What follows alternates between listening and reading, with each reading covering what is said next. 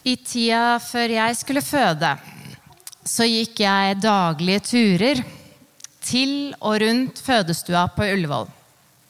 Det parkområdet, for de av dere som bor i nærheten, er jo rett og slett en av byens største gravlunder.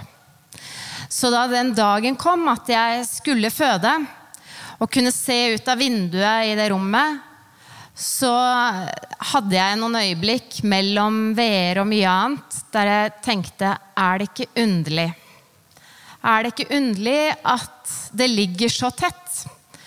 Stedet for inngangen til livet og utgangen. I dag så har en liten jente blitt båret varsomt på armen til et bad der hun har på seg finklærne det har vært dåp i kraftverket. Det er stort. Hun blir overøst med vann. Det er for å bli velsigna, for å bli bekrefta, om du vil. Med ønske om at hun skal tro at livet hennes er ønska. Ikke bare av mammaen og pappaen, storebror eller gode venner, men av Gud selv. Så er hun og alle mennesker villet. Det rennende vannet det forteller også om den godheten Gud vil øse over oss. Og det minner meg litt om en annen fortelling i Bibelen, der Peter oppdaget verdien av at Jesus hadde lyst til å vaske føttene hans. Peter hadde ikke lyst til at han skulle gjøre det. Men når han skjønte det, så sa han, ja, 'Kan du ikke vaske hele kroppen min, Jesus?' Og slik som Peter ønska det, så har jo faktisk kirka også for 100 år siden, eller et par hundre år siden senket hele barnet ned i døpefonten. Så i riktig gamle kirker i Norge, som fra før 1800-tallet, så fins det ofte et hulerom under vaskevannsfatet. For en gang i tiden så senket man barnet helt ned og opp igjen. Det bitte lille spedbarnet. Den måten ble avslutta på på slutten av 1800-tallet fordi risikoen for sårbare babyer å bli syke i iskalde kirkerom, den var for høy. Det jeg syns er så troverdig med dåpen, er at midt i det skjønne og yndige, i blonder, hvit, lang kjole eller kort om du vil, så er det et slags alvor. Dåpen den innebærer ikke bare en bekreftelse av alt det gode, men den er også en innrømmelse av at det fins mye vondt. Derfor har vi forsakelsen. Vi trenger beskyttelse fra det som ødelegger. Og det er vel noe av det som gjør det til et så lada øyeblikk. Ordene som Ruth leste for oss i sted, fra Johannes evangelium, historien om Lasarus. De er om en søskenflokk som er bosatt litt utenfor storbyen Jerusalem. Og der var det også et stort alvor på gang. Lasarus var blitt syk. Søstrene var bekymra, og de sender beskjed til Jesus som jo mer jeg tenker på det, så fremstår han egentlig som den trygge storebroren, ekstra superkraftbroren, som kommer ut fra sidelinja og er der med råd og hjelp når de trenger det. De henvender seg til han når sykdom truer. Men så drøyer Jesus. Han bruker lang tid denne gangen. Han kommer faktisk for seint. Og det er først når Lasarus har vært død i fire dager, at han dukker opp hos dem. Og i dette sorgtynga huset så er det da Martha av disse to søstrene som reiser seg og går han i møte. Og Maria hun blir hjemme. Og det som er litt interessant med det, er at vi har flere fortellinger om disse søsknene. Og i en av de så fremheves Marias måte å være troende på som spesielt fin. At hun slapper av ved Jesu føtter, mens Martha arbeider hardt og strever alene. Men i dagens fortelling så er det litt motsatt. Det er Martha sin tro som får skinne. Og det er en sterk attest til noe som er viktig for oss her i Kraftverket. Det er at tro kan arte seg veldig forskjellig. Vi har en podkast som vi har hatt gående i hele koronatiden, der vi forsøker å utforske forskjellige måter å være troende på. Hvordan troen lever i kraftverket. Og det er noe av det vanskeligste jeg gjør. Det er å stille spørsmål som gjør at folk tenker at nå kan jeg fortelle om min tro på en fri og åpen måte. Men hos Martha i dag så syns jeg vi ser to ganske forskjellige uttrykk for det som er hennes tro. Man kunne også lagt til at det er tro når hun mater og vasker opp kopper og kar, og når hun går Jesus i møte. Men det er to ting hun sier i dag. Det ene høres litt ut som den kollektive trosbekjennelsen som vi leste sammen.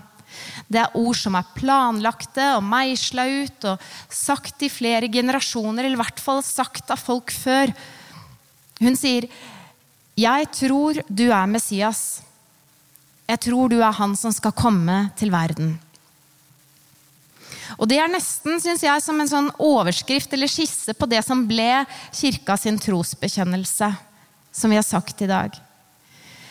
Men det er noen andre ord hun sier som jeg syns vitner enda sterkere, og som er veldig personlige. Hadde du vært her?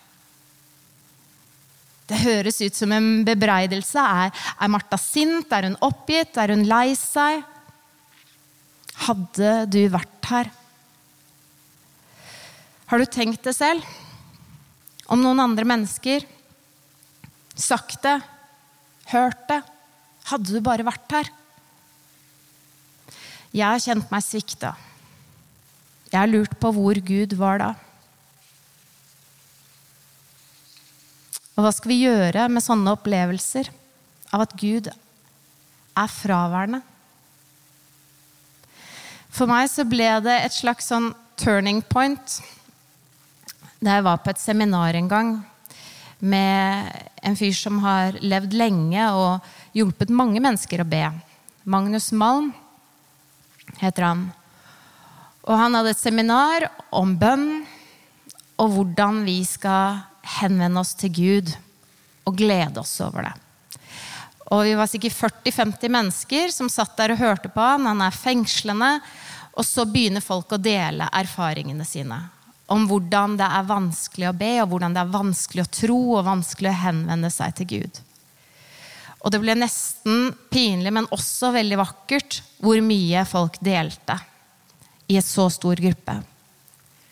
Og på slutten av hvert vitnesbyrd eller delerunde så sa han Men har du sagt det til Gud, så si det til Gud. Ikke si det til meg. Og her tror jeg er nøkkelen til det viktigste som Martha gjør. Hun går rett på Jesus og sier det som er oppstøtet fra hennes indre. Ikke de polerte ordene, men det hun egentlig kjenner på, en anklage. Hadde du vært her, da tror jeg broren min hadde levd. Jeg har savnet deg. Jeg er sint. Du kom for sent. Den indre bekjennelsen som er full av anklage, det er hjertets sanneste bønn. Og det er min erfaring og så mange andre menneskers erfaring at når man kommer dit og sier det, så kan det skje noe helt utrolig frigjørende. At der vi faktisk er, og snakker til Gud som et du, så vil vi også oppleve, forhåpentligvis, at han møter oss.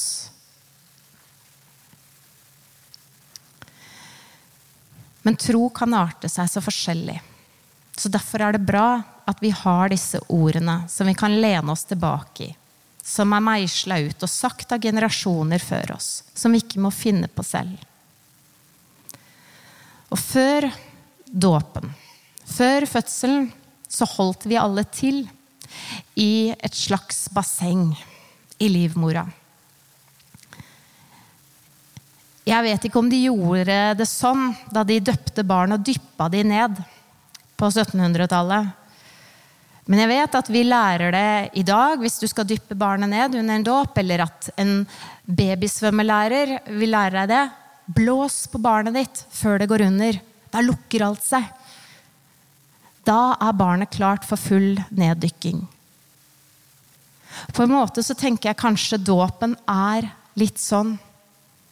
Det er et blås som du får på deg med en kraft og en vind som gjør deg klar for den neddykkingen som skjer i livet. For kjære Nanna, du er ikke her i rommet nå til å høre det. Eller kanskje er du det borte der. Men det gjelder oss alle. Du kommer til å gå under. Men du kan reises opp igjen. Både av folkene rundt deg og av Guds godhet. Og på den siste dag så er det håpet at når vi går under, så reises vi også opp igjen til det livet som Jesus vil gi oss alle. Og det er det historien om Lasarus handler om. Jesus reiser Lasarus opp igjen fra døden i en hendelse som er helt utrolig, og som ikke er vanlig i kirka og i vårt troende liv, for å peke på at dette kommer til å skje med meg om noen få dager.